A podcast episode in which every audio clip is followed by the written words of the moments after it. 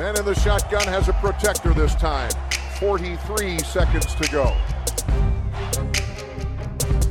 He scrambles around, throws it back corner of the end zone. Santonio with a touchdown! I don't know how he did it! What a throw! What a catch! What a game! So Mike 43, call 57. That! Suffocate him! Make him miserable! All game long! Get us the ball back! Could love him or hate him, but he was Brad. Yes, eh, välkomna till ett nytt avsnitt av eh, veckans NFL. Och det är trångt i studion här nu. Eh, det är med mig som är Lasse, det är Magnus, det är Mattias och det är Rickard. Mattias, välkommen tillbaka. Ja, men man tackar. Ja. Eh, var det ett medvetet val att eh, Stöven är den bästa positionen offensiva linjen skulle eh, gå igenom? Verkligen inte. Det är kul att snacka o-line ju. Vi ska ju snacka secondary idag. Det är ju betydligt klurigare. O-line känns, Ja. lite mer, eh, känns lite mer konkret. Det finns mer kött att ta på där på bokstavligt talat. Ja, eh, ja. Eh, välkommen Magnus. Tack. Du får bara ett vanligt välkomnande eftersom du gjorde din plikt att vara med förra veckan och samma med dig Rickard. Du får bara ett vanligt välkomnande. här. Tack, tack. Ja, man får stå över en vecka för att få lite mer sån här eh, kungligt välkomnande som, som eh, Mattias fick här. Känns helt okej. Eh, bra det. Eh, ja, vi eh, ska inte gå igenom allt för mycket hur det är med oss och vad vi har gjort i helgen och sånt denna veckan heller för att det är så mycket vi ska gå igenom. Vi tänkte att förra veckan var det det mesta free agent-stöket eh, men eh, det har bara fortsatt och den stora nyheten som jag tänker vi dyker rätt in i är ju det här med Deshaun Watson. Den är ju så stor på alla möjliga sätt och håll och kanter. Vad, eh, vad menar jag med det Mattias? Berätta lite snabbt. Ja, nej, men Deshaun Watson som alla vet har ju varit anklagad och är fortfarande anklagad för 22 fall är det väl av eh, olika sexuella trakasserier, allt från sexuella trakasserier till våldtäkt. Och eh, hans brottsdelen, brottsmålsdelen blev ju eh, avstökad här och det gick inte till rättegång, men han har ju fortfarande civilrättsmål. Men eh, då öppnade det väl dörren lite grann för lagen att börja jaga honom och det blev klart att han gick till eh, Cleveland Browns där för en jäkla massa draftval, tre i första och sen en, eh, en del annat också. Eh, och eh, personligen ska jag bara säga, jag blev inte så jätteförvånad över att han fick ett nytt jobb nu eh, och sen kan man tycka vad som helst om det, om eh, det verkligen är något som han har gjort sig förtjänt av, om det är för tidigt i den här processen eller vad det är. Men jag var inte så förvånad över att något lag ändå skulle försöka plocka till sig honom, men däremot så blev jag väl kanske lite förvånad över hur mycket Browns betalade, eh, både i form av draftval och sen också i kontraktet som var utformat på ett väldigt speciellt sätt. Och det blev mycket reaktioner, kanske inte så konstigt, och det mycket handlade nog om just eh, liksom själva kompensationen och hur de hade lagt upp allting. Mm. Eh, alltså, vi vi pratade lite om det i förra veckans podcast när Watson inte hade signat på än.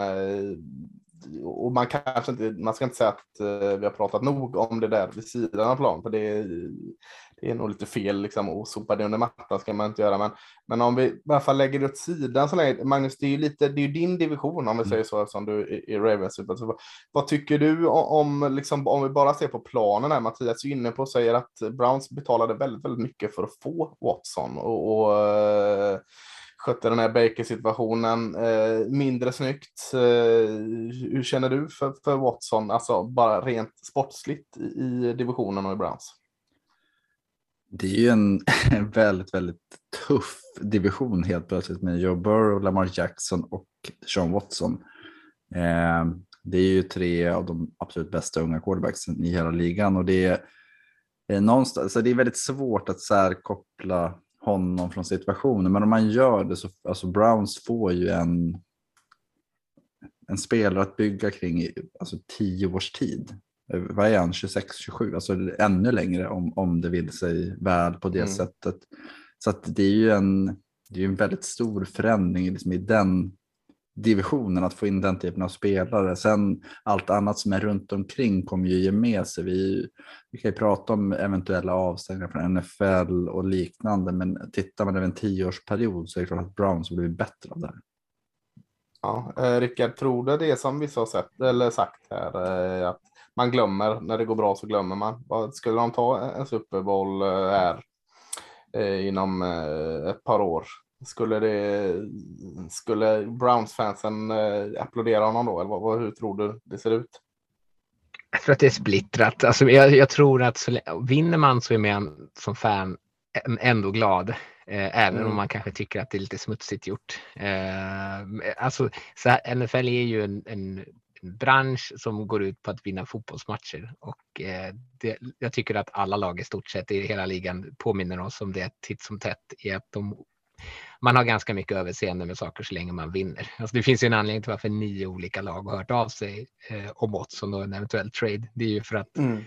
eh, han är tillräckligt bra för att man eh, kan bortse från alla liksom, bekymmer på sidan av plan. Jag vill också lägga till bara för att ni mm. tycker att ni tjatar om att det är så dyrt där. Nu får han visserligen ett stort kontrakt, men 49ers tradade ju eller liksom investerade ju tre stycken första rundeval på Trey Lance förra året. Och det kan man ju kanske tycka att ska man lägga tre val i första rundan, då är det kanske klokare att lägga det på en bevisad quarterback som kommer kräva ett stort kontrakt än att lägga det på en, en chansning från college. Jag tycker inte mm. att, att draftkapitalet är det dyra, utan det är eh, om man tittar hur man sätter om lönemarknaden. Det är ju nytt rekord med garanterade pengar med 80 miljoner dollar.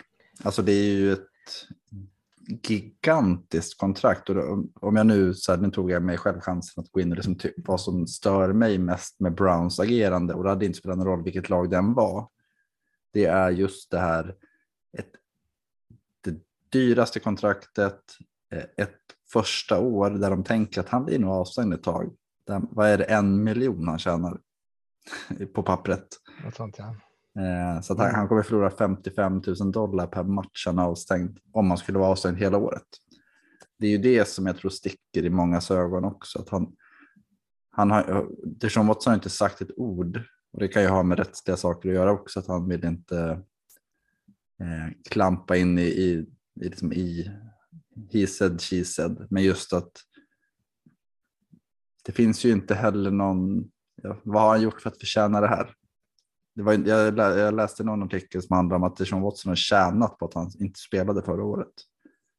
Så att han gjorde mm. massor med grejer och sen spelade han inte och hans värde dubblades på något sätt. Jätte, jättemärkligt i min, mitt huvud.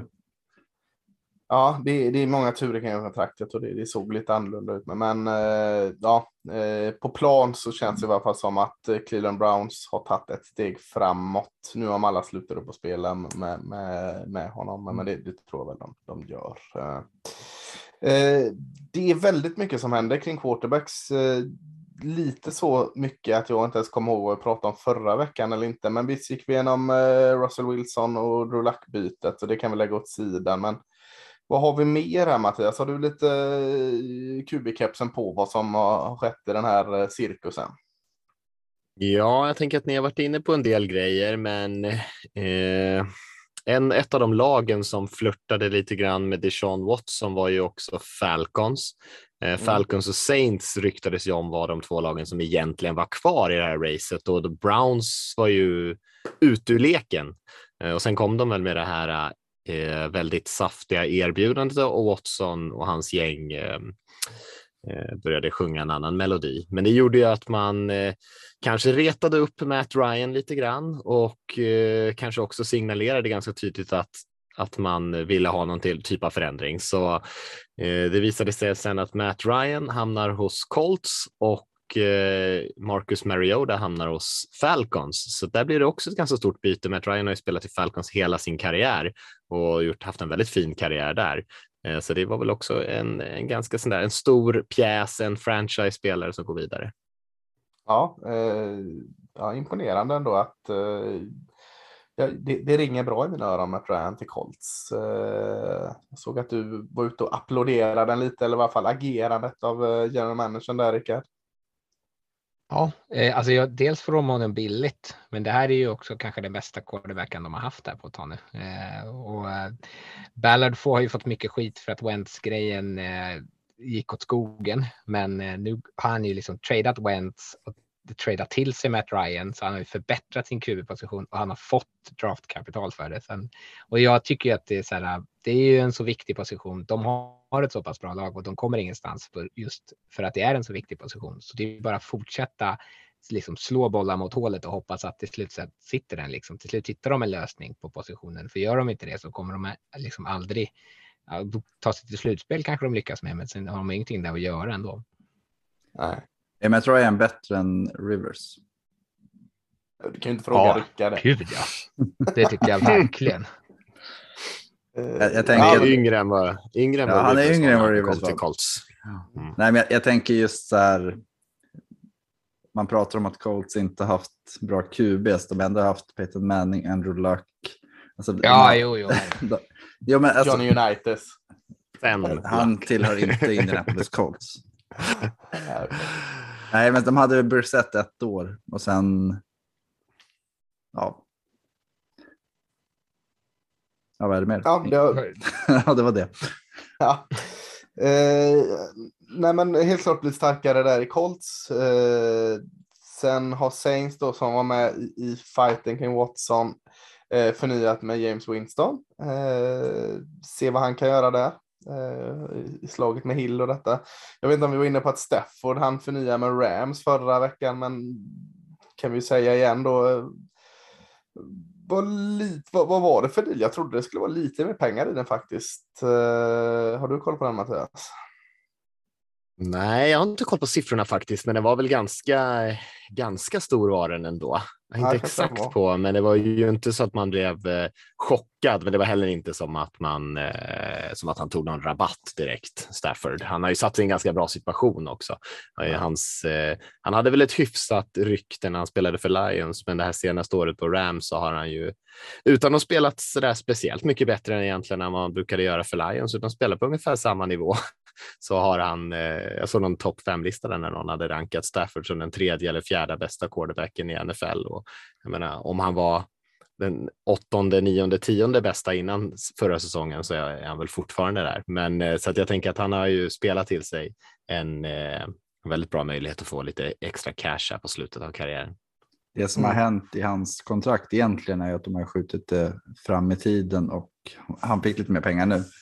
Eh, hans capita 2022 är 13,5 miljoner. Nästa år är det 20 miljoner och sen så är det 49,5 och 50,5 kommande två. Mm. ja, gott mm. trolleri där. Nej, de har eh. mycket, mycket kostnader just nu i Rams och det är väl helt rätt såklart. Mm. Ja. Eh, jag tycker inte det har hört så jättemycket sen eh, han tog ner lite bilder på sociala medier. Men eh, Kelly Murray och Cardinals, hur ser det ut där? De är fortfarande inte överens, va, Mattias? Nej, det är lite dålig stämning. Det är väl allt man vet. Mm. Alltså sådana där grejer brukar brukar ju alltid lägga sig, men sen plötsligt händer det någon sån här grej som Wilson, Russell Wilson som blir borttradad och sånt där som man verkligen inte, som inte jag såg komma. Så jag ska inte vara så kaxig nu för tiden när jag precis har blivit bränd där, men vanligtvis brukar de här äh, QB-situationerna när det är lite gnäll och, och så där mellan kanske coach och ledning och QB, att man, de brukar ju lägga sig så att jag skulle väl tro det, men man vet ju aldrig riktigt eh, hur illa det är. Så det kanske är värt att hålla koll på i alla fall nu när det ändå händer så mycket runt om i ligan. Ja, men tycker jag. Eh, Rickard, jag tänker vi har två quarterbacks som vi kanske väntar på att de ska flytta på sig här nu. Vi har pratat om Baker Mayfield, fortfarande Cleveland Browns och Jimmy Garoppolo i, i 49ers. Är det rimligt att tro det att båda de, alltså när, när draften är, är, klar, att de inte är i de klubbarna de är just nu? Ja, eh, antingen om det sker före draften eller efter, det vet jag inte, men in, före liksom kickoff nästa säsong i alla fall. För det, mm. Mayfield är ju redan klart. Han kommer ju inte vara där och han kommer ju inte vara där även om han mot förmodan fortfarande skulle vara anställd av Browns. Han kommer ju sitta hemma och sura då. Mm. Uh, men så det handlar ju kanske mer om. Alltså, han bor väl på arenan? Ja, det är det som är problemet. Man ska sitta och sura. Han är den enda som kan koden. Uh, och Jimmy Garoppolo känns ju, jag vet inte, det gick ju nog rykte om att de hade tackat nej till en deal på två val i andra rundan, vilket låter helt absurt. Jag hade inte ens gett ett val i fjärde rundan för honom. Eh, men någonstans lär de ju hamna. Så vet jag inte exakt var. Antingen så är det väl att lag nu avvaktar och får se vad som händer under draften eh, och sen liksom blir desperata efter det eller bara att båda lagen i stort sett egentligen kräver alldeles för mycket eh, betalt för dem. Mm. ja. Känner vi att vi har missat någon quarterback nu? Känns som att eh, det händer något med quarterbacks eh, varje dag här nu. Eh, Flera gånger per dag händer det grejer där. Så att när den här är ute för folk att lyssna på så har det hänt, har det gått en runda till den här karusellen. Jag hoppas att Lamar Mm. Jackson skriver på det. Ja. eh, något annat innan vi släpper free agency, något annat eh, ej quarterback-relaterat som är värt att lyfta? Eh, ordet är fritt. Tänk Ja, att då vi kan ta... jag- Ja, kör du Rickard. Det är som din. Det ligger ju nära med mitt hjärta här att eh, Raiders tradade till sig Davante Adams. Ja, just det. Packers Herregud. För ett, ett val Ja. i första och andra rundan och sen gav de honom det största kontraktet för en wide receiver någonsin. Ja, vad känner du? Det är ju lite tråkigare på själva draftdagen. Jag hade ju samma när vi tog Amari Cooper från, eh, från er där. Men, men, men eh, Han är Browns nu va? Ja, men. Eh, Mm. men förhoppningsvis får ni ju en, en helt grym receiver. Eh, känner du lite så här glädjen då? Eller? Ja, alltså jag känner mig ändå glad för det. Sen jag håller ju med om det är tråkigt att det inte är eh, lika spännande när draften väl kommer då. Men Mm. det, jag tyckte att eh, det var väl en bra affär för båda lagen. Raiders fick en omedelbar eh, uppgradering som kanske inte är så jättelångsiktig och Packers kan få möjlighet att fylla på lite, eh, vilket de kommer ju behöva, även om de hade säkert löst att han kunde stanna rent pengamässigt. Men ska Rogers tjäna så mycket pengar så måste de ju kunna liksom, omringa honom med lite billigare spelare runt omkring. Liksom. Så det är väl nog, jag tror att det är bra för båda sidor. Fan, och Carr spelar ihop igen från Fresno State-tiden. Ja, det har Ja, de drömt om just. båda två, så det är Ja, kul. Det är ja. jättehäftigt. I alla fall en annan. Ja. Eh, Om man ska vara lite sådär dyster kvist så kan man väl kanske säga att det är eh, Davante Adams har ju haft en ganska bra situation i Green Bay. Eh, Så Ja. det, det kommer ju såklart vara svårt att toppa de prestationerna han gjort där med Rodgers när de har haft en jäkligt bra kemi såklart. Mm. Och eh, ja, framförallt kanske nere i red zone och sådär där han har varit nästan ostoppbar. Eh, nu är ju Carr kanske i och för sig en typ av quarterback som skulle kunna funka väldigt bra med honom. Men det ska bli intressant att se hur mycket han liksom kan hålla uppe farten i sin i alla fall statistiska, statistiska delen av sin. liksom, Vet du vem som sin- tjänar mest på Den, det här? den minskar nog. Vet du vem som tjänar mest på det här? Darren Waller. Slipper bli dubblad hela bli tiden. men- dubblad hela tiden. Speciellt i Ja, red zone. Ja. Mm, vi får se. Eh, ja, var inte du inne på att trada honom för ganska nyss, eh, Rickard? För att få lite kapital.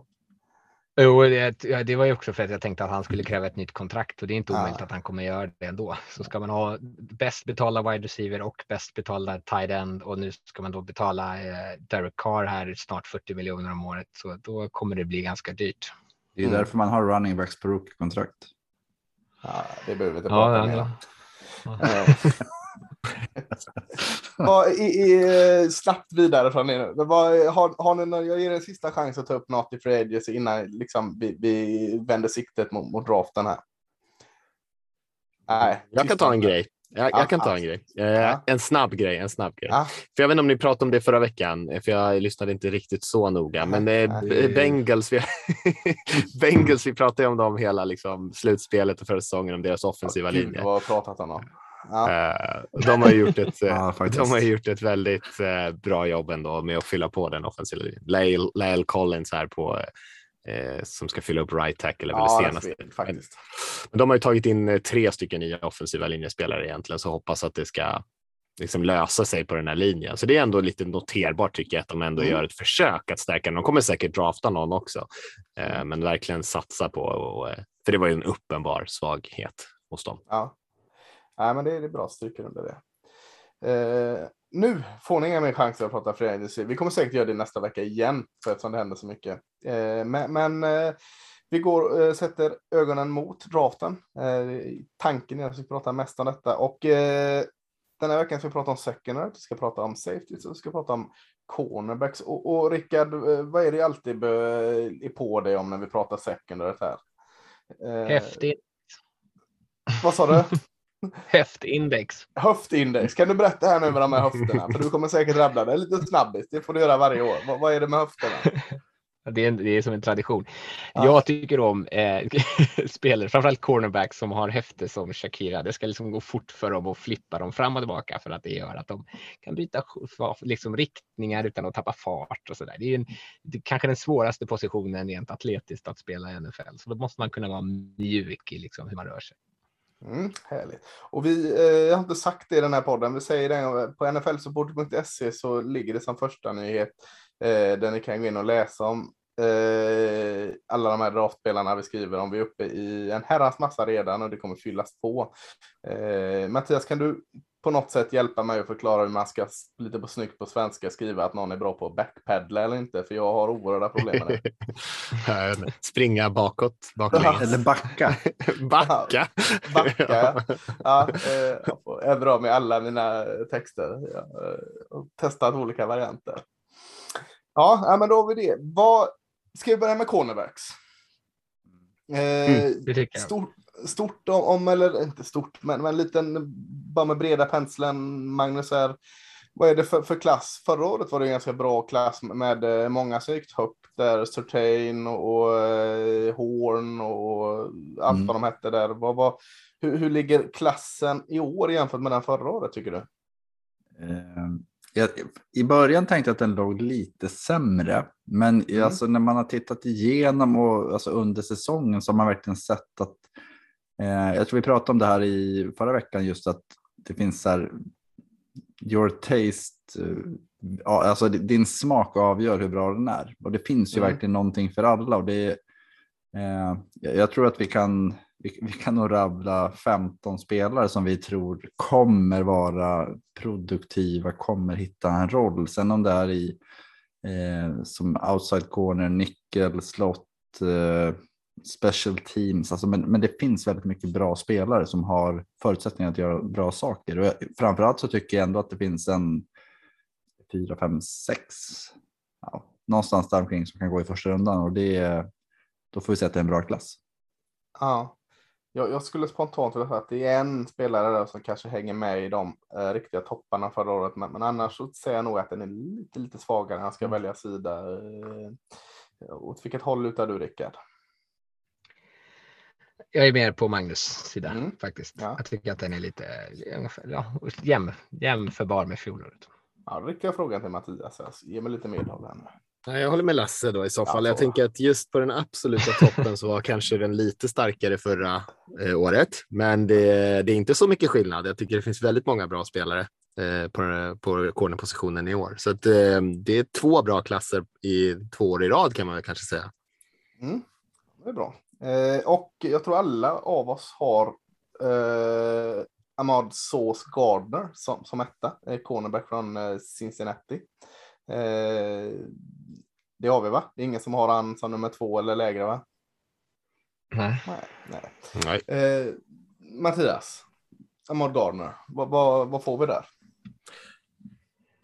Eh, ja, först måste man kanske veta att han fick sitt smeknamn Sås där för att han eh, var så förtjust i dippsåser. Det tyckte jag var roligt. Mm. Eh, men eh, nej, men vad får man där? Man får väl en eh, prototyp corner, NFL corner i både storlek eh, och spelstil som gillar att spela på utsidan, gillar att spela i press coverage, rör sig bra trots att han har bra storlek. Han är över 1,90. Eh, fysisk spelare. Eh, bra, hyfsad även på de här små ytorna tycker jag. Eh, men det man framförallt tänker på när man ser honom är ju att han är ju en, en klassisk prototypisk nummer ett eh, corner på utsidan som följer motståndarnas bästa receiver. Eh, och eh, ja, det är väl eh, exakt den typen av spelare som eh, man vill ha där på utsidan som ska gå en mot en om man använder den typen av system. Alla gör ju inte det. Eh, men det är den typen av spelare som brukar gå väldigt, väldigt högt. Om inte först i cornergruppen så brukar de se ut ungefär som Ahmad Gardner. Han har ju, har ju det fina självförtroendet som, som en corner och han, han gillar ju att flänga där. Det, det pratas mycket om vilken wide receiver som ska göra första touchdownen på honom. Är han har ju varit en sån shutdown corner Cincinnati. Magnus, är det, är det en eh, säkert kort? Det är väldigt svårt att säga, men är det så nära ett säkert kort på corner man kan komma? Ja, nej men alltså det, det är eller, så nära man kan komma. Det finns säkert saker han kan förbättra, men, men han är ju väldigt, han har varit väldigt dominant över tid och, och eh, oftast när man, Cincinnati, de gick till slutspel i år så att han har ändå mött bra lag. Han har varit bra mot bra lag och sen under hela draftprocessen också varit bra. Så att det är ju en eh, hela, alltså det är en sån här spelare så att om han inte blir så bra som man hade trott så kommer mm. ingen skylla på den som har bedömt, utan det kommer vara så här, men vad fan hände? Och det, det är ju mm. det som är att alla bedömare gör ju samma bedömning av honom. Att han, han är ju väldigt, väldigt bra och han har varit bra över tid. Och det, det, ja, det finns inga skäl att säga att han skulle, inte skulle uppfylla de förväntningar som finns. Nej. Eh, alltså Mattias var inne på det, stor, lång, smidig, rörlig, snabb, explosiv för sin storlek. Eh, höfter kontra kroppsmassa där Rickard, får du vara nöjd med ändå va? Absolut, det jag. Eh, Sen har, han, inte, han, kan, han har inte riktigt de här supersexiga häftena, men det nej. behöver han ju inte när han är så stor. Och så han har så goda instinkter. Han vet ju vart han ska redan innan han behöver vända dit. Ja. Det är inte riktigt Shakira-nivå. Nej, inte riktigt. Det är Piqué istället. Ja.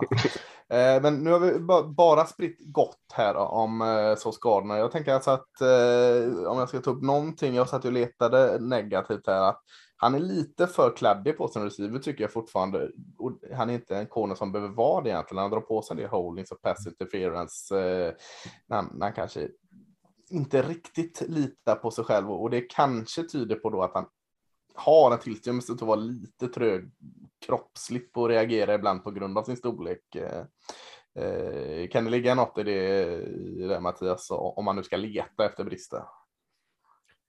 Ja, det tycker jag. Särskilt kanske om man möter en kanske kvickare receiver på de, eh, på de små ytorna. Sen som jag sa, där, han är väl en prototypisk, prototypisk corner om du vill ha den här utsidecornern som spelar en mot en, mm. en mot en upp i press, eh, spelar fysiskt.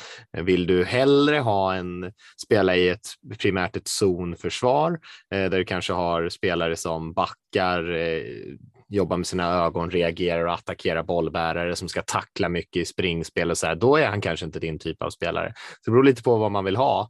Eh, men på de, de grejerna som som han säkert kommer göra mest när han kommer till nästa nivå. Där tycker jag han är väldigt imponerande. Men det är klart, man ska inte sätta honom i ett, i ett zonförsvar där han ska read and react och spela små ytor och tacklas. Där, där, kanske, där finns det bättre spelare han är ju överraskande bra i motspring också faktiskt. Man glömmer lätt bort det eftersom han är så väldigt liksom, tydlig press, eh, pressman, eh, corner på utsidan. Men, men, när han har gått upp på motspring så har han faktiskt gjort lite nytta där med. Så, eh, han känns väldigt, väldigt spännande.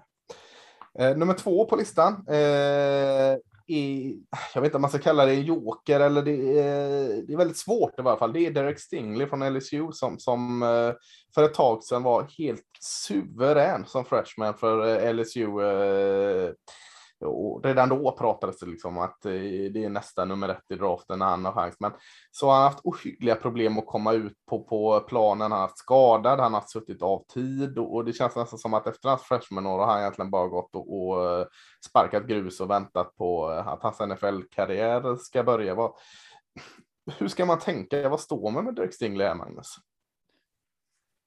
Ja, tack. Bra fråga. Eh, mm. nej men alltså det, det, är som sagt att han, han eh, var ju en han var en stjärna från dag ett egentligen. Han var så otroligt bra sitt freshman-år. Jag mm. tror vi sa det redan där och då att skulle han gått i draften det året så hade han gått, inte först kanske av alla, men först, först av alla defensiva spelare. För att eh, liksom kvaliteten var så otroligt hög.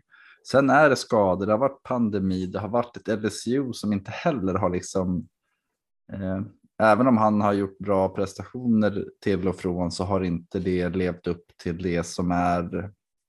Alltså det har inte synts för att omgivningen inte varit tillräckligt bra heller. Nej. Eh, men han har ju liksom egentligen allting som man vill ha. Han har eh, det fysiska, han har tekniken, han har förståelsen, han läser spelet, han gör allting. frågan är ju varför han slutat göra det. Ja. Alltså någonstans så är det liksom det att var det en tillfällighet han var bra ett år eller Eh, ja, men så här, det, det svajiga, va- hur förklarar man det? Hur säkerställer man att man kan ha höjden på honom över tid? Jag, jag personligen tror ju att mm, det kommer gå, men Mm. ja, jag vet, nej, det, han, han är väldigt, väldigt svårbedömd just utifrån att han, skillnaden mellan hans bra år freshman och nu är väldigt stor. Ja, jag tänker det kanske blir svårare för dig och mig Magnus. För, alltså, eh, nu har Mattias och Rickard också såklart koll på hela den här biten, men du och jag som sitter liksom och, och tragglar college eh, helgerna igenom, liksom har följt den här resan på ett annat sätt. Rickard, hur känner du när du har tagit upp eh, filmen och kollat på honom? Eh, hur känner du för Drake Stingley? Jag har ju kollat mycket på 2019-filmen just för att jag vill Mm. se det taket som man har.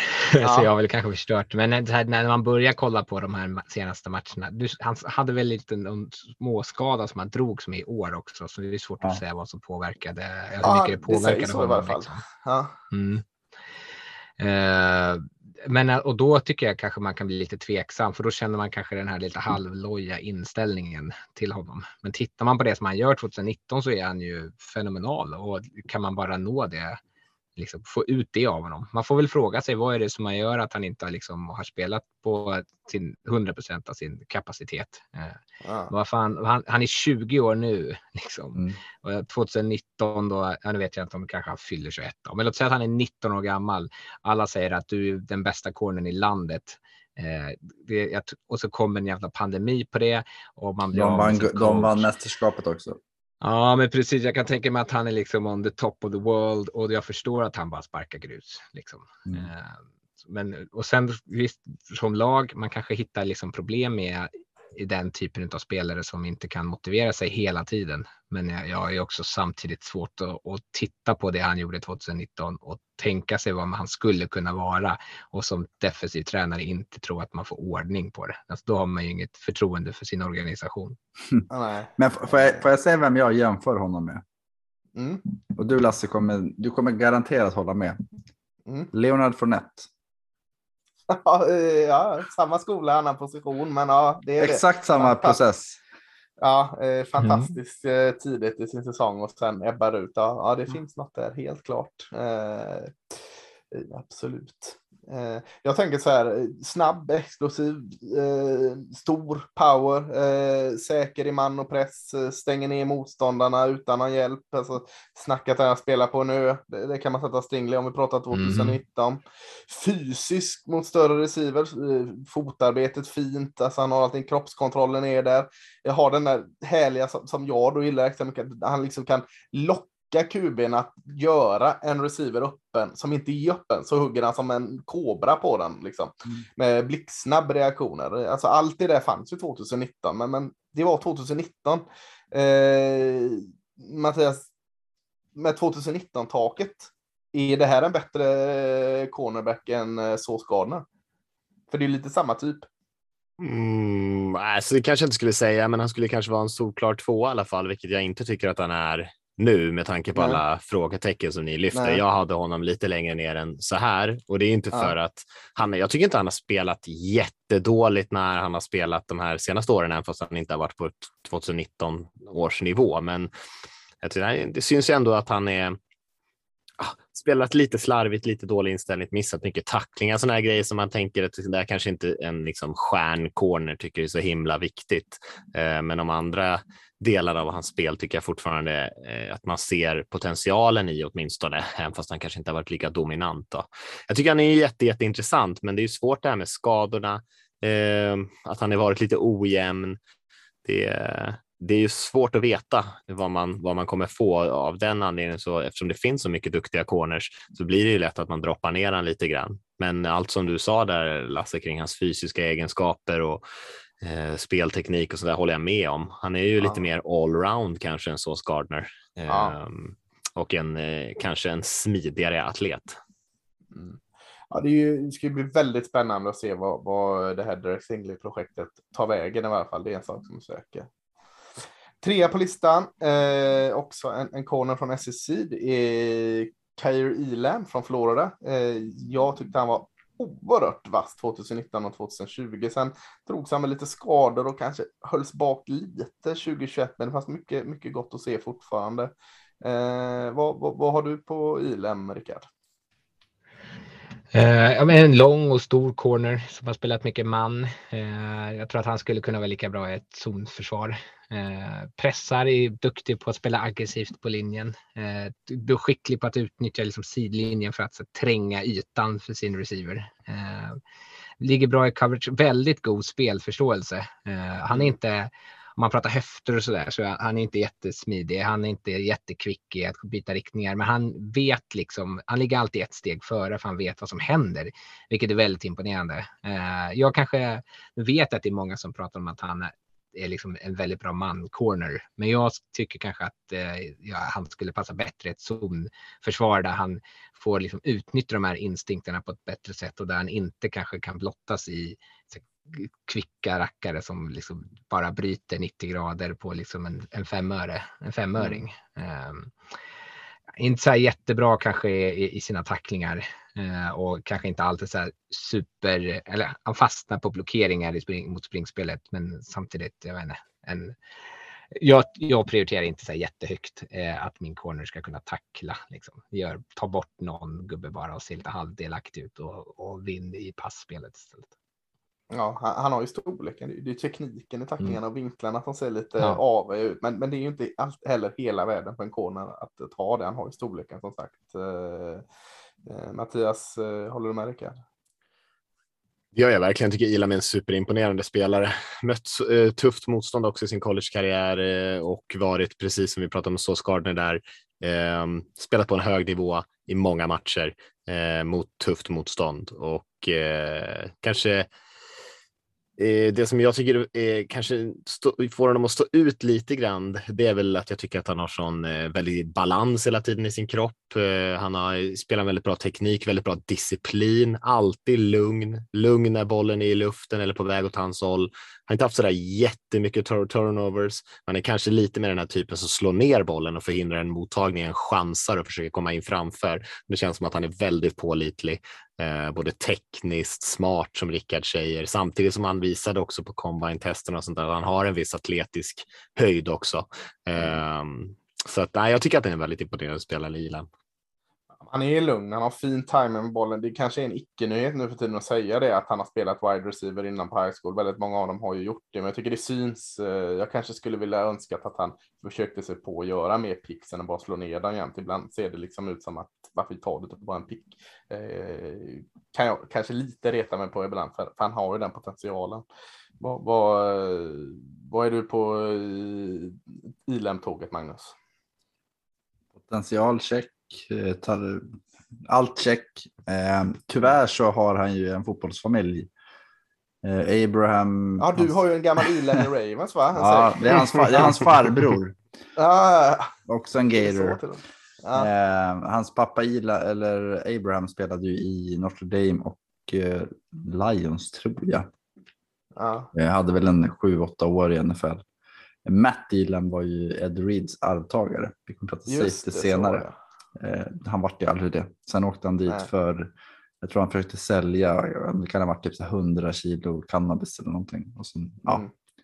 Bra jämn siffra. Fina gener, han har misstag att lära av som andra har gjort åt honom. Så jag tror att Kay William kan bli jättebra. Mm. Ja, men verkligen spännande. Alla höga på honom verkar det som. Eh, ändå bara trea på listan. Det är inte lätt att slå sig upp här. Men fyra på listan har vi från Clemson. Vi har Andrew Booth Jr. Lite av en, en eh, komet skulle jag säga. Utvecklas jättefint under sitt sista år i Clemson. Alltså, eh, Eh, eh, inte en spikrak form uppåt, men, men nästintill. Eh, vad har du på honom, Magnus? Eh, Andrew Booth är ju en ganska speciell spelare tycker jag i den här draften. Att han, Eh, han, han har väl dels skador som gör att han missat all typ av testning, vilket är väldigt viktigt för alla corners. Eh, men, han, han är ju i mitt tycke en av de absolut bästa spelarna i hela draften. Han har eh, liksom den fysiken, den atletiska förmågan, han har liksom, smidigheten och han har den här alltså, attityden som man vill ha hos en outside corner. Det tycker jag att eh, Andrew Wood har. Och han, han är eh, i mitt, när jag tittar på honom ser jag väldigt mycket Jimmy Smith. Och jag är ju Ravens-fan så att jag, ja, jag landar ju ofta in i dem, Mm. den, den typen av spelare som, man- som man gillar. Men jag tycker Andrew Booth har väldigt mycket av den här han kommer funka jätte, jättebra i press. Han kommer funka jättebra i när han är man-man och den typen av. Det är där man sätter honom i. Sen i zon funkar han bra.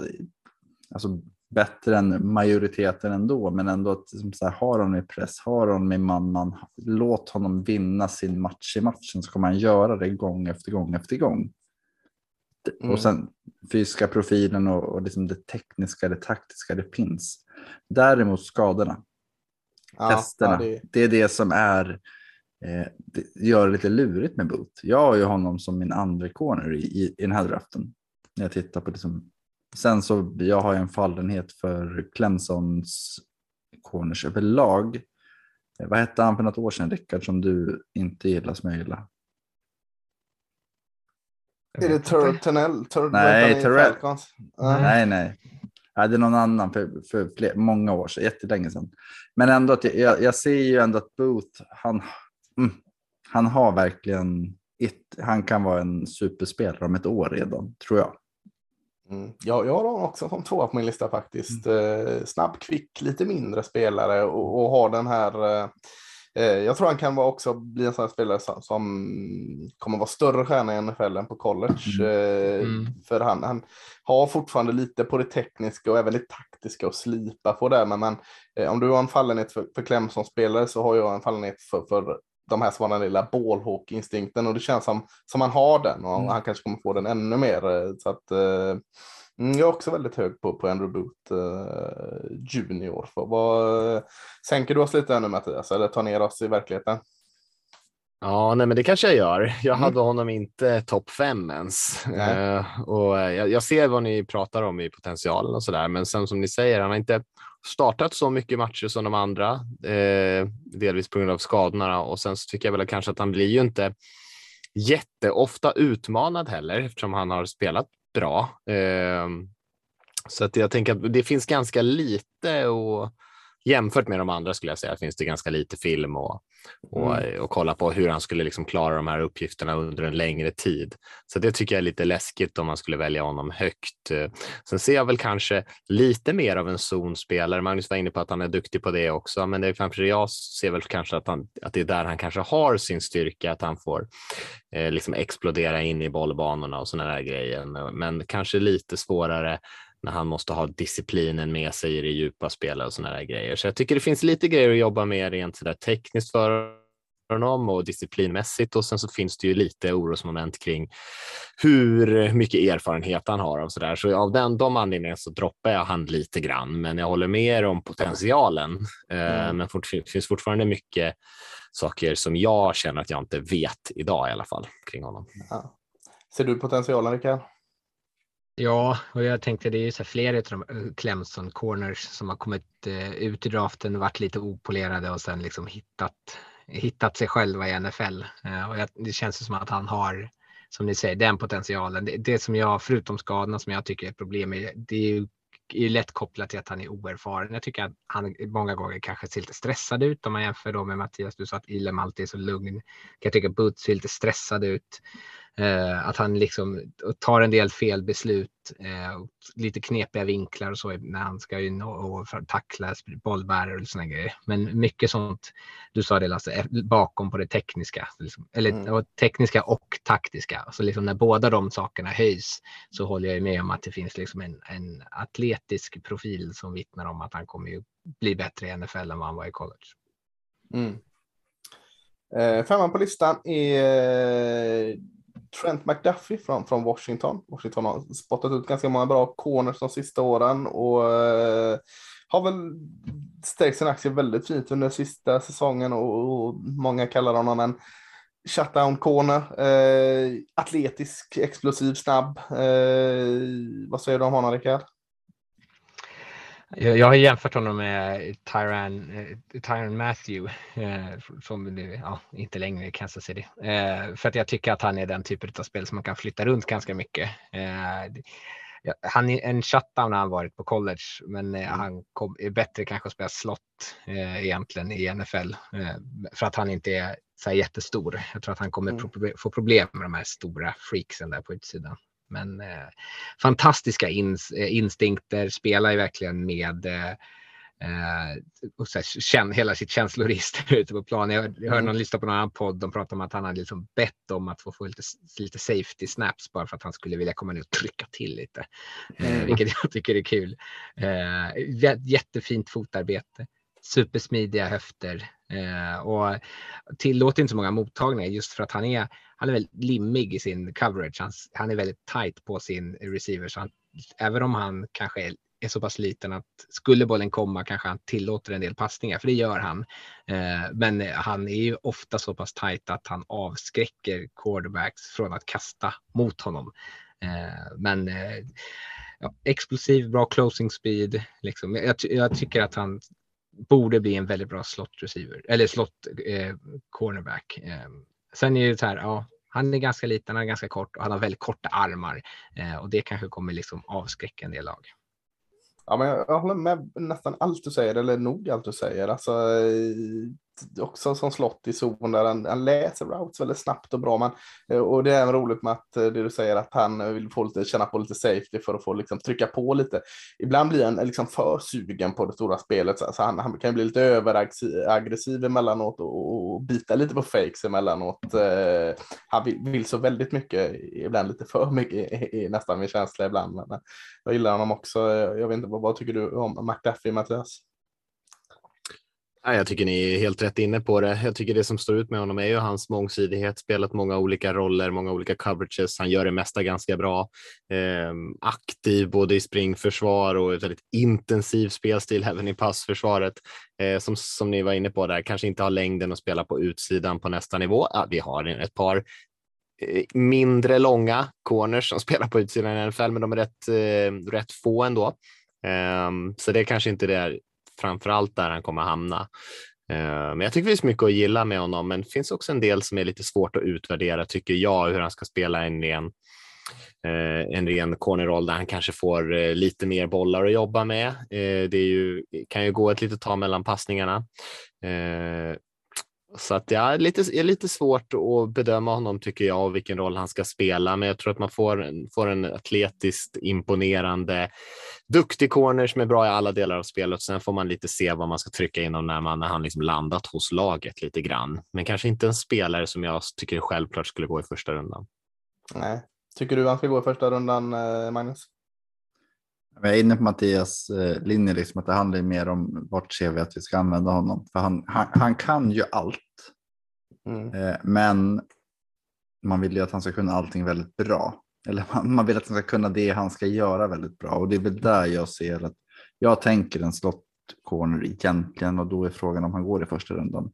Däremot är Mm. värdet väldigt, väldigt högt för han är otroligt duktig. Han kommer, han kommer ge en bredd utifrån att han kan spela den centrala biten men också att ja, men vi flyttar ut honom vid behov med skador Mm. och liknande. Eh, jag skulle säga att han är väl den mest allround av alla de här som jag pratat om hittills. Som, eh, ja, nej men det, det känns som en, en spelare som gör laget bättre oavsett. Och det är fråga, alltså, ja, jag blir förvånad om han tri, trillar ur första rundan. Ja, jag tror också han kommer ta sen om, om han är värdig att ta första eller annat. Nej. Eh, ja, eh, då har vi fem, fem cornerbacks. Det är eh, Ahmad Sauce Gardner, eh, Derek Stingley, Kair Elam, Andrew Boot Jr och Trent McDuffie som nummer fem. Vi ska spida på det lite här så vi, så vi faktiskt inte gör sådana mastodonter. Men, men bara nämna någon. Vi behöver inte gå in och, och prata alla färdigheter om varje spelare. Men känner du Mattias, har du någon som du bara skulle vilja putta upp på listan utan att gotta ner dig allt för mycket i? Ja, nej, men jag tycker Roger McCreary från Auburn tycker jag är en spelare Mm. som man ska lyfta här. Eh, inte minst för att jag sa det till er att hans, eh, han har ju spelat massor av olika positioner, linebacker, quarterback, receiver, Mm. running back, fick stipendium som safety men gick ju som corner så småningom, småningom. Han började spela linebacker för att hans mamma spelade linebacker när hon var barn och spelade amerikansk fotboll och kallades för mm. icebox för hon tacklade någon lagkompis på träning så att hon bröt nyckelbenet. Eh, och det tycker jag var en ganska bra story. Men det, apropå, jag vet inte vad Rickard säger om hans höftindex där, men där tycker jag är en spelare som verkligen flyter fram över planen, byter mm riktning extremt ah, enkelt och han är ju väldigt, väldigt lätt att vila ögonen på eh, på något sätt. McCreary tycker jag. Jag gillar honom eh, väldigt mycket. Eh, kanske inte lika aggressiv som några av de andra spelarna här i den här klassen, men eh, alltid i bra position och en bara pålitlig spelare. Eh, så alltså, en sån där spelare som jag brukar eh, ha minne av i alla fall att de, att de levererar på nästa nivå. Mm. Magnus, har du någon eh, corner du vill bumpa upp lite extra? Eh, nej men absolut, det vill jag alltid. Eh, eh Marcus Jones, Houston. Ja. och det är väl framförallt, framförallt för hans allsidighet att han, är, han har tagit wide receiver reps så sent som i höstas. Han är, det är en slot corner, en lite, lite mindre rörlig, väldigt fina höfter, Rickard, så honom ska vi kolla in. Mm. Eh, men sen har han en returförmåga av Guds, alltså det är en sån här spelare som om fem, sex år kommer man kanske prata om som den bästa returnen i NFL. Att han, jag tror han har nio touchdowns på returer under sin college-tid. Eh, och han, han är väldigt, väldigt duktig med bollen i händerna. Sen vet jag att han har ju dåliga händer, mm. vilket är skrämmande. Men när han väl fångar bollen så är han ju livsfarlig. Alltså det är, jag, jag tänker på vet han, Cyrus Jones. Alabama. Det. det är lite, ja. lite samma, det slog mig när jag har liksom tittat på honom. Men eh, jag, jag, tror Marcus Jones har en högre potential gällande playmaking-delen och en bättre potential gällande förmågan som en slot corner. Mm. Det känns helt klart spännande. Rickard, du får självklart också lyfta fram någon. Ja, jag, jag, tänker att jag ska ta en sån här totalt osexigt och lyfta fram Kobe Bryant eh, i Cincinnati ja, som har spelat eh, på andra sidan. Ja, andra sidan av Sauce Gardner. Eh, jag, jag, tycker att han påminner lite om Levi Wallace som spelade i Bills. Nu vet jag inte vad han gick under free agency bara för det, men i en sån här spelare som är inte den bästa, kommer aldrig testa fantastiskt, kommer aldrig vara kanske en nummer ett cornerback, utan har ett visst tak, men är också en spelare som är otroligt skicklig på att utnyttja det han har. Eh, om man så här, äh, missar cornerbacks i första och andra rundan och man känner att ja, men nu vi behöver bara ha någon som vi kan starta som kanske inte kommer vara världens bästa spelare så är han ett ganska tryggt val att landa i. Eh, och huvudsakligen, han, eller han ska spela någon sorts typ av zonförsvar för det är där han kommer vara bäst för att han är lite stel fortfarande som atlet. Men eh, liksom bara liksom, jag vet inte, mellanmjölks cornerback, men det ska man kanske inte alltid underskatta, någon som bara gör sitt jobb. Han fick ju slita hund med tanke på hur mycket de bombade på ja. hans sida eftersom yep. Gordon var på andra och gjorde det bra så att eh, det är spännande. Eh, ja, men ja, då rundar jag av med Martin Emerson, Mississippi State. Eh, och hitta lite brister på honom helt klart. Men stor lång receiver som inte känns allt för stel på, för sin storlek. Eh, eh, tycker jag är spännande. Eh, rundar vi om med honom och så sen tar vi och går vidare till safety. Eh, Mattias, du vill ta lite passagerarsäte där. Du har bara glott på dem i all hast, va? Exakt, så... jag lämnar det här till, er, till era mer kompetenta ögon. Ja, då får du lyssna och, och njuta helt enkelt. Och eh, jag tror ni håller med mig när vi säger att det är en solklar eh, etta i den här gruppen. Mm. Eh, men så finns det en del spännande bakom. Men, men visst är det en solklar nummer ett där. En, vi har en riktigt jäkla lovande safety på gång i den här draften. Mm. Ja. Ja, så, så Magnus, börja prata om Kyle Hamilton, Notre Dame, tack. Ja, men han, han är ju jag tror jag skrev att han var ett fenomen, en eh, liksom, kombinationen av storlek, rörlighet, fysik, eh, intellekt någonstans också. Liksom att han, han klarar av att spela alla roller man vill att han ska spela. Han klarar av att läsa spelet på alla sätt man vill att han ska läsa det. Eh, jag jämför dem med Isaiah Simmons som vi pratade inför. Att han kändes ju, han hade den här fysiska profilen, men Kyle Hamilton har ju hela profilen. Han är ju, han är, mm. han är ju som den, den sanne enhörningen på något sätt. Att han, han kan göra allt. Han, du kan aldrig... Å ena sidan kan du aldrig tillgodoräkna dig vad- vilken position har han just nu. Nej. Men å andra sidan så spelar det ingen roll. För har han en position, han gör spel ur den sitsen också. Och det är det jag tycker är häftigt med honom. Att eh, många, många av de här hybridpersonerna behöver ju oftast ha en, en, två, alltså ta Hassan Reddick till exempel. Han behövde några säsonger, sen kom han till sitt esse. Jag tror Kyle Hamilton kommer storma in. Eh, Enda skälet till att han inte kommer funka är ju att ett lag känner att ja, men vi kommer använda honom på ett sätt som vi inte riktigt vet hur vi ska göra. Mm. Men han, han, han har ju liksom det här fysiska, han har det taktiska, mentala, eller vad man ska kalla det. Det, det kommer bli ja, succé. Jag, jag tror inte ens det är några problem om man kommer till ett lag som inte riktigt vet hur de ska använda honom. För han kommer att, göra eh, någonting ändå. Däremot ja. så kanske inte blir rätt för, för alla jämt. Nej, precis. För jag menar, kollar man på honom, han, han har ju det du säger, han är ju en atlet. Liksom. Eh, har längden, smidigheten, snabbheten, explosiviteten. Det sitter han inne på. Eh, han kan spela upp i boxen som en extra linebacker och, och, och sen är han nästa spel lika jäkla bra på att täcka stora ytor som safety i djupet. Eh, utan liksom att vara sämre än på något annat egentligen, vilket gör honom unik tycker jag. Att, Mm. att de här hybriderna ibland när man pratar om dem är att de, de är bra på väldigt många delar av dem, men, men kanske att man kan liksom peta in dem att ja, men de är inte elit på det. Liksom. Jag, jag tycker nästan att man kan sätta att han är elit både på eh, boxspelet och Mm. mm. djupa rollen som safety. Och, och, och det är inte ofta jag, jag har sett det i varje fall, både zon och man liksom, och, och eh, hela den biten. Så jag vet inte hu- hur, just nu tror jag han är nummer ett på våran sån här lista av alla spelare som vi rankar på sidan. Eh, Har du honom som nummer ett av dem du har rankat Rickard?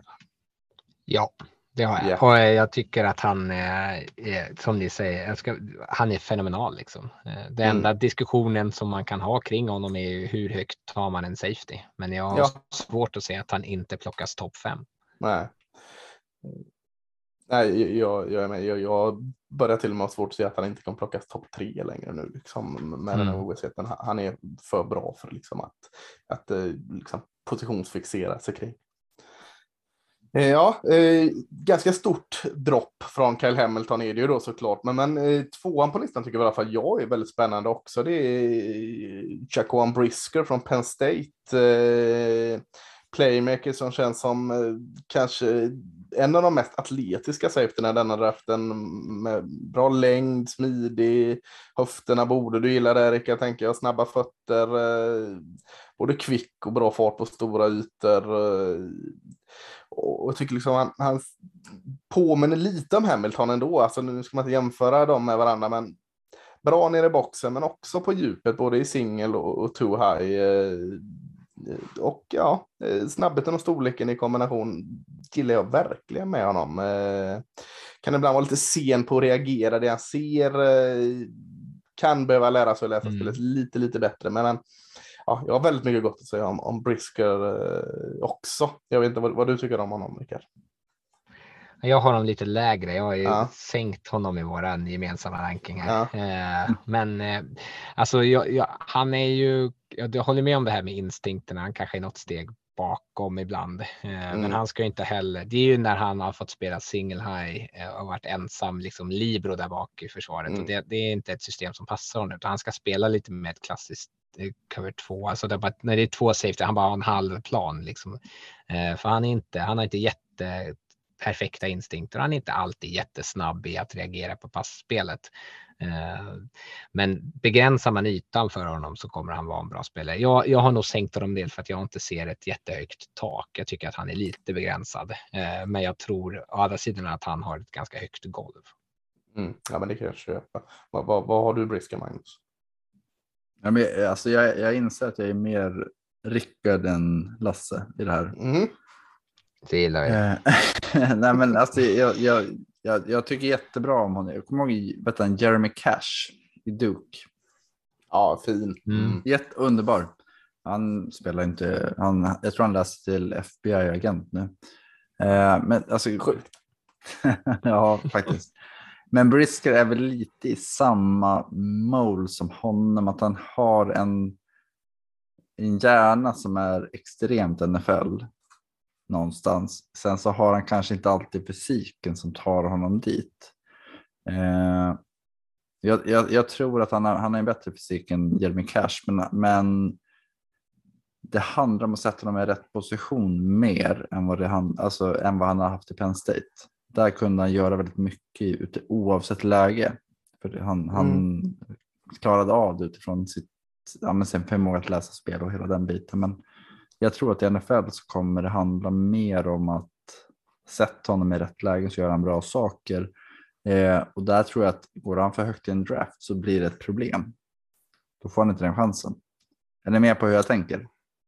Ja, jag mm. förstår vad du tänker. Mm. Om man ska höja upp honom lite så kan man ju säga att han påminner lite, tycker jag, att han påminner lite om Marcus May som Lasse gillar. Ja. Eh, som, ja.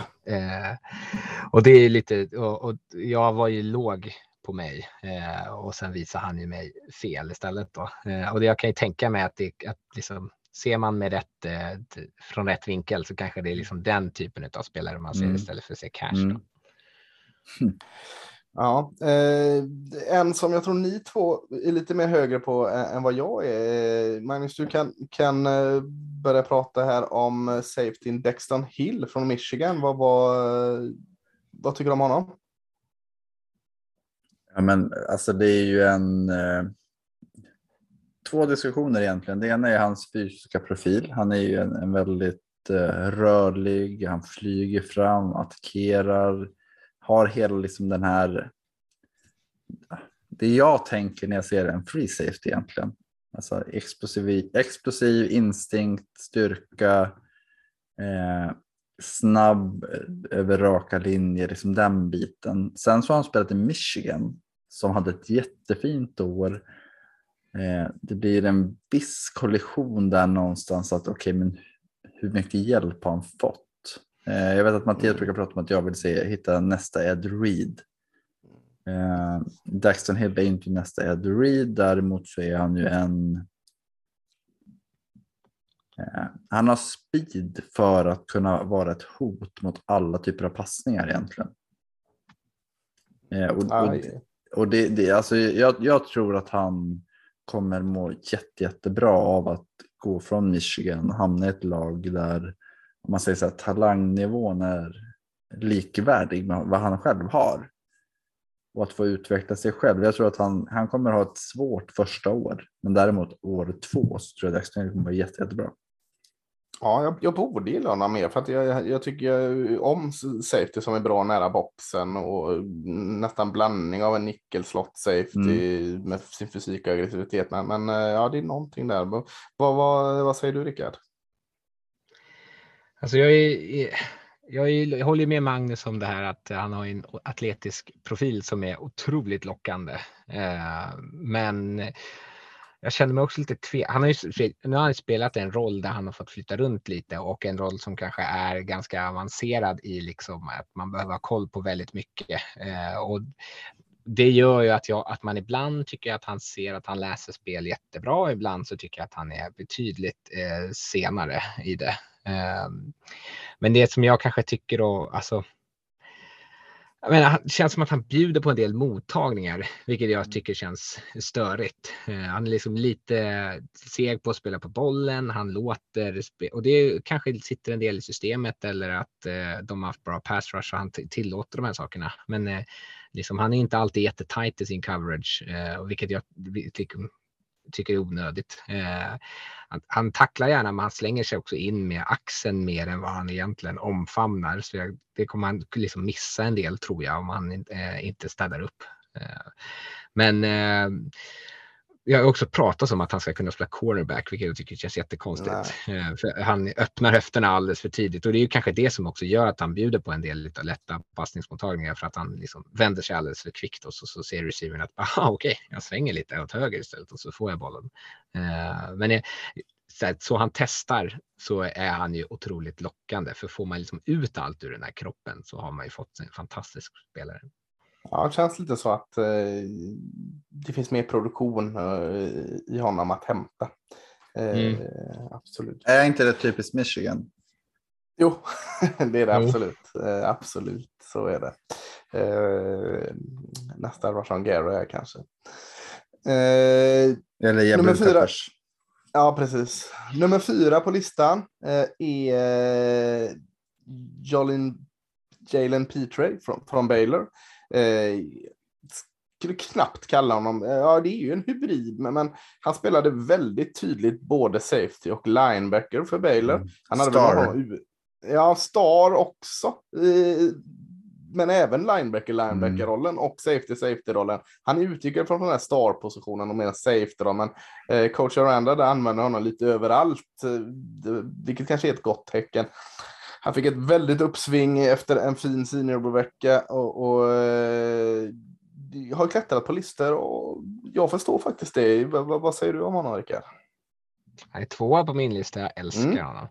Ja, Eh, dels så älskar jag ju safeties som, där man ser att de har förmågan att kunna spela djupt, men de har också liksom, eh, mördarinstinkten att kunna spela eh, i, i, ner i boxen. Och att kunna kliva in som safety och spela linebacker i en safety-kropp och ändå göra det bra säger mig, gör mig väldigt trygg i att, att välja honom. Eh, hur mycket energi som helst. Han bara flyger runt på planen. Han är lite, han är liksom överallt. Jag tycker han påminner eh, ganska mycket om eh, Javon Holland. Eh, som, jag tänkte Det Antoine var- Winfield där, att han påminner om honom lite mer. Men, eh, ja, lite också. Ja. Eh, men så här, man kan göra det mesta med honom och han har väldigt goda instinkter och bra spelförståelse. Eh, jag, jag, jag tycker att han är ganska, för mig är han ganska tydligt den näst bästa safetyn i den här klassen. Ja, spännande. Jag, jag känner alltså, alltså att uh, safety-rollen eh, skulle jag vilja stryka under mer än, än uh, hybridrollen. För att han är fortfarande lite för tunn när, emellanåt tätt in på boxen nära och scrimmage. Så där skulle han nog behöva biffa till sig lite. Men, men som safety känns han väldigt spännande. Vad, vad, vad står du i, i, i, kring Jalen där, eh, Magnus?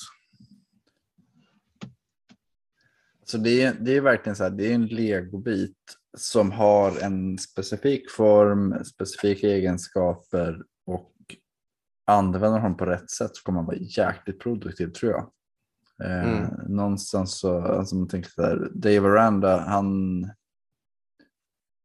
hittade ju rätt roll.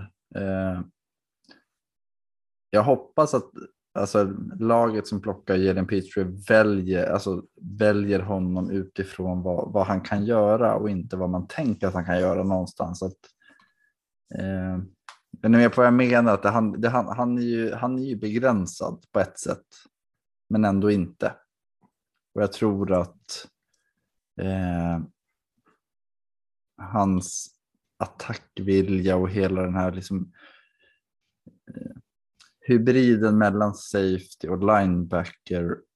Det handlar ju om att jag tror att han, han behöver vara mer linebacker-fokus i NFL än i college för att han kommer möta större spelare. Har, har, har man det, alltså om man tänker star-positionen i sig, att utgå ifrån linebacker när du placerar Patriot, honom vill du vara in utifrån den här rollen så tror jag att han kommer göra mer nytta än om, om man tänker att han är en safety. Jag skulle vilja få bort honom lite mer från, från linebacker-positionen och låta honom falla lite mer i en fri safety-roll. eh, eh. Men jag vet inte, jag tycker det är svårt, svårt att placera honom. Oerhört Kan, spännande ka, oavsett. kanske. Men då, Mm. alltså det är det jag menar med att man måste välja vart vill jag ha honom. Mm. Ska du ha honom som free safety kommer du behöva lägga mer tid på det taktiska och tekniska. Ska du ha honom som eh, linebacker så måste du lägga mer tid på att så här, du ska lägga upp, bygga på dig muskler. Och det är den, Mm. det är det som man, alltså det måste, alltså vad väger han? 85 kilo? Mm. Ja, då, det är ett slöseri på det han kan. Han- ska ju spela safety, det är det han är. Ja, och då måste du jobba med de andra, de tekniska, taktiska bitarna. Nej, Ja. Jag tycker att han visar god spelförståelse. Jag tycker inte att han är ur position särskilt ofta. Det är att han, han biter ganska gärna och det är ju kanske kan. Det, det kommer han bli straffad för, det kan jag garantera. Ah, hellre någon som är övertygad och vågar än någon som tvekar. Mm. Jag har, ju, jag har ju honom ganska högt ändå. Men just så här, bara för att eh, om så här förtydliga. Hans styrkor är ju, ofta, alltså för mig så är det i alla fall att hans styrkor är ju mer i hybrid line än hybrid safety. Jag, jag, jag vill ta bort hybrider för att sätta någon som en safety. Renodlad safety. Eh, fri sådan. Yes, eh, safety nummer fem på listan är eh, Nick Cross från Maryland och eh, jag hade ju på känn här att eh, Baltimores eh, färgerna går inte ur det. Du brukar vara hög på Maryland-spelarna, eh, Magnus. Visst är du det på Nick Cross också? Absolut. Mm. Eh, det finns ju jättemånga spelare från Maryland, alltså Stefan Diggs, eh, Sa Darnell Savage, you name it. Nej, men eh, Nick Ross är ju en eh, härlig spelare. Han är ju en power safety som, alltså det märks när han är på plan och han kanske är lite större än vad många av de andra liksom, toppnamnen är. Att han, han är lite mer linebacker-aktig i sin profil, liksom den fysiska profilen. Men han har ju, han har ju den här eh, farten, attackviljan, han har förmågan att vinna sina dueller. Han, ja, men han, han, han är den här, eh, jag, jag kallar honom för sheriffen i mitten-auran. Att han, han har Mm. den här förmågan. Alltså han, han dikterar spelet från sin centrala position. Och det tycker jag är mer safety just utifrån att han gör det både i pass och spring. Eh, han, är, han är lite stel, han är, han är eh, ja, men vissa vinklar funkar inte alltid helt optimalt. Men tittar man också på att, att han har spelat i Maryland, det är, han, han har varit väldigt ensam utifrån talang, talanger runt omkring. Men ja, nej, men det är, Nick Ross är för mig en, en spelare som ganska, ganska snabbt kommer kunna klättra upp på draftbräde men också i depth charge i NFL. Mm. Ja, jag gillar också Nick Ross. Eh, som du säger, den fysiska spelaren. Eh, väldigt aktivt fysiskt. Eh, utan att dra på sig allt för många flaggor för att spela det fysiska spelet. Och, och det du säger stämmer också, han ser ju lite stel ut. Jag kan tänka mig att Rickard grymtar lite på höfterna där. Eh, Mm. Det Eh, tvåan. Ja, men, men eh, hyfsad toppfarten då tycker jag. Eh, en sån kommer vara en väldigt elegant special team-spelare om de kommer välja att använda honom där. Eh, men ja, trivs bäst i, i zon med, med det som händer framför honom. Eh, jag, jag, också tummen upp för Cross. Och, och eh, det är ju ingen Charles Cross här, eh, Rickard, men det är ju Nej. trots allt Cross. Jag gillar inte honom heller. Eh, Jo. i Cross är ju... Nej, jag tänkte det var. Emerson. Ja, Cross är ju så, så vad tycker du om Nick Cross då? Eh, jag tycker ni har honom orimligt högt faktiskt. Eh, han testade ju bra på combine och det syns ju att han har en explosivitet och en liksom straight line speed. Eh, men alltså, det går ju alldeles för långsamt. Du sa att han var en sheriff Magnus. Han är, skulle ju bli ihjälskjuten för att han är så alldeles för långsam i sin reaktion. Eh, det tar för lång tid för Det är ju honom. inte dueller. jo, kommer de kasta bollar på honom hela tiden i huvudet på honom. eh, men han är alltid, känns som att han alltid är ett så här steg efter och, och han, det har han säkert kunnat eh, maskera lite genom att vara så snabb som han är. Men i NFL så tror jag att det kommer liksom synas mycket tydligare. Eh, sen, ja, han, han har en del highlights där liksom när han ser det i tid och när han eh, och liksom kan utnyttja sin atletiska, eh, sitt atletiska övertag. Då ser det skitbra ut. Men jag tror att han i NFL kommer liksom vara motsatsen, att han kommer liksom gå bort sig eller vara alldeles för sen och bjuda på en massa highlights eh, istället till eh, motståndet. Ja, vi får se där, men, men eh, ja, spännande. Eh, Safety-listan. Kyle Hamilton nummer ett. Jaquan Brisker nummer två. Dexton Hill nummer tre. Jalen eller Jalen Petrie nummer fyra och Nick Ross nummer fem. Och har vi fått bjuda på en extra corner så får vi väl bjuda på en extra safety. Rickard, har du någon safety du vill dra fram? Eh, ja, alltså jag gillar ju, eller gillar, alltså inte så svinhögt, men i alla fall han är på min topp fem. Eh, Levi Sign, eh, Mm. om man uttalar efternamnet så det vet jag inte, men från Georgia. Eh, en klassisk strong safety, kanske behöver lägga på sig ett par kilo. Sen tycker jag att det är svårt med det här secondaryt i Georgia för att de har fått ganska mycket hjälp för att resten av försvaret har varit fantastiskt. Lite. Eh, det är någon spelare där, två kanske, som kommer bli draftade. Eh, nej, men jag, jag, tycker att han eh, är liksom väldigt ivrig på att komma ner. Han påminner kanske lite om Jonathan Abram eh, i sådana spelare som är så sjukt ivrig bara på att komma ner och smälla och gärna smälla lite vårdslöst, inte alltid med rätt teknik. Ja. ja. men precis, vill skada sin motståndare typ i stort sett. Eh, och kommer bita på play action när han gör det för att han vill gärna eh, liksom ner så fort som möjligt. Eh, och det är kanske jävligt dumt, men på något sätt så här, kan man tygla det här lite. Eh, så eh, alltså jag tyckte ju Jonathan Abram ändå var ett okej okay prospect. Det var att han togs alldeles för tidigt och han har liksom använts väldigt konstigt i Raiders. Eh, och med Sign så, så här, får man honom att förstå lite vad han ska göra eh, så att han inte är, för det, så att dels så är han ivrig på att hugga, men han är också alldeles för eh, liksom, ovetande. Han har liksom ingen känsla för vad som kommer att hända, så jag tror inte att han har så bra hög spelintelligens. Och beror det på att han inte har förmågan att lära sig eller för att han bara inte har lärt sig det? Det vet jag inte. Men också så här hög atletisk profil. Eh, så det, det, finns någonting att, att chansa på där tycker jag. Mm, spännande. Magnus? Jag vill, jag vill bara kommentera på Sign att mm. eh, han har Kirby Smart som coach som kommer från Nick Saban var Smarts femte år va? Alltså, det, mm. ja, alltså jag, jag, jag, tänker också att Sign är ju verkligen, om man tittar på Cross, Petrie Hill, eh, ja men i viss mån Brisker också kanske, men att de går lite emot varandra, den typen av, alltså Sign tror jag att sätt in honom i ett bra försvar, han kommer göra det du ber honom göra. De andra tror jag att du kan få ut mer av över tid. Eh, sen mm. så, ja, jag gillar också Sign, jag, älskade honom i Georgia. Men sen man tittar på det så bara, fasen det handlar kanske mycket om vad de andra gör också.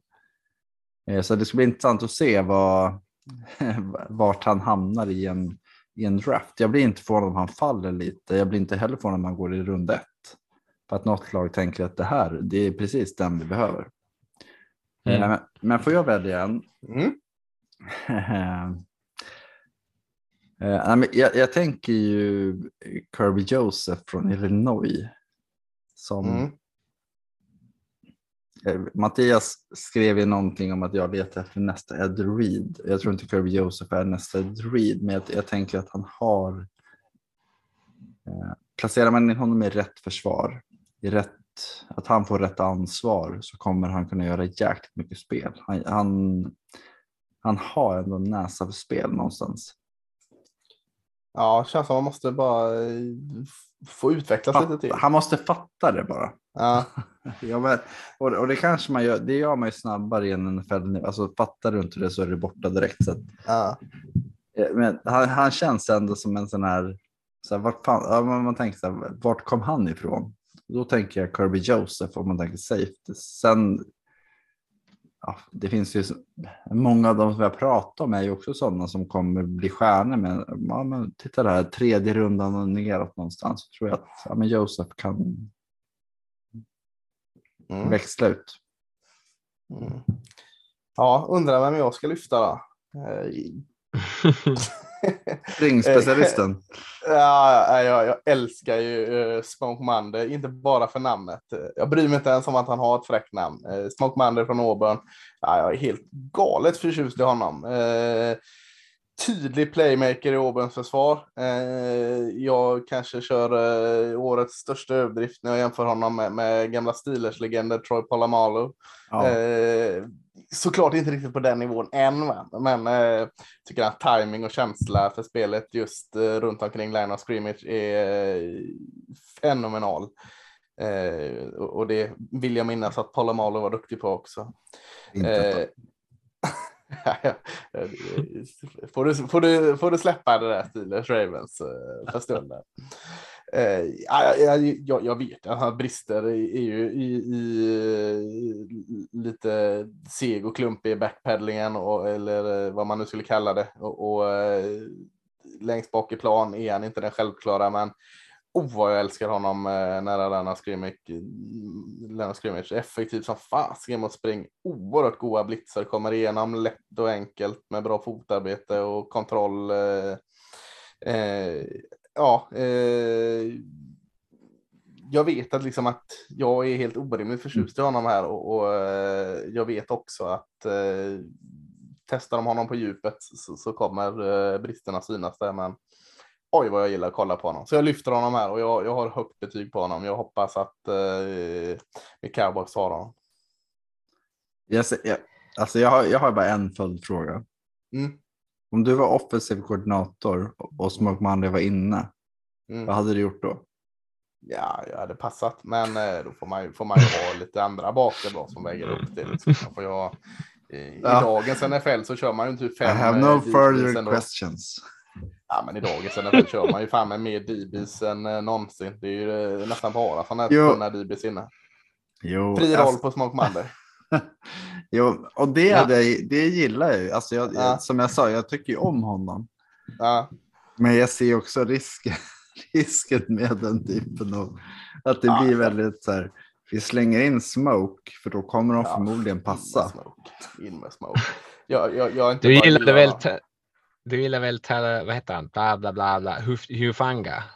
Ja, ja, Ja, närheten, Hufanga. inte ens i närheten så mycket som jag gillar Smoke Monday. Jag Nej. gillar dem. Nej, men jag samma ensidiga spelare. Ja, fantastiskt.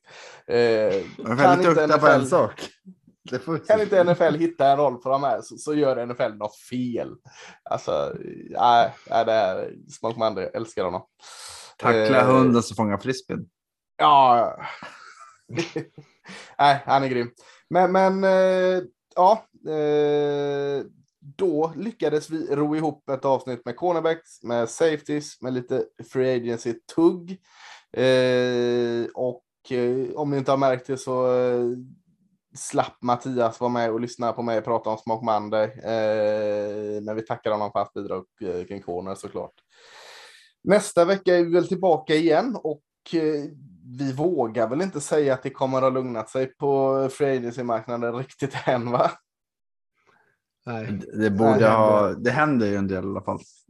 Ja, eh, det är quarterback som fortfarande ska flytta på sig så att vi kommer tillbaka med mer agency-snack och eh, två nya positioner som ni får veta när ni klickar igång nästa podd. Ha det fint så hörs vi. Ha det bra.